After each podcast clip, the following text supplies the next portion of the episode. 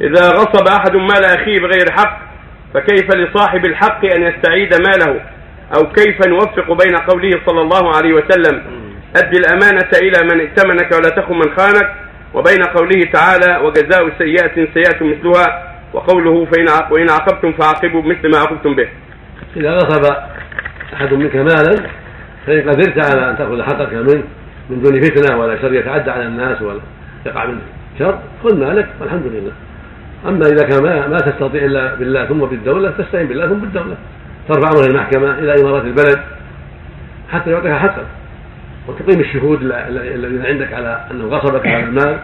أما إذا كان يمكن أخذ المال من مال عندك له أمانة عندك له تأخذ حقك منه فلا بأس. تأخذ حقك وتقول هذا حقي انت غصبتني هذا الشيء وهذا الباقي عندي لك. غصبتني 100 بغير حق أخذت 100 فيه وهذا باقي مالك. وإذا قال خاصمني أو الدعوة تروح معه المحكمة. والمحكمه تنظر في امركم نعم.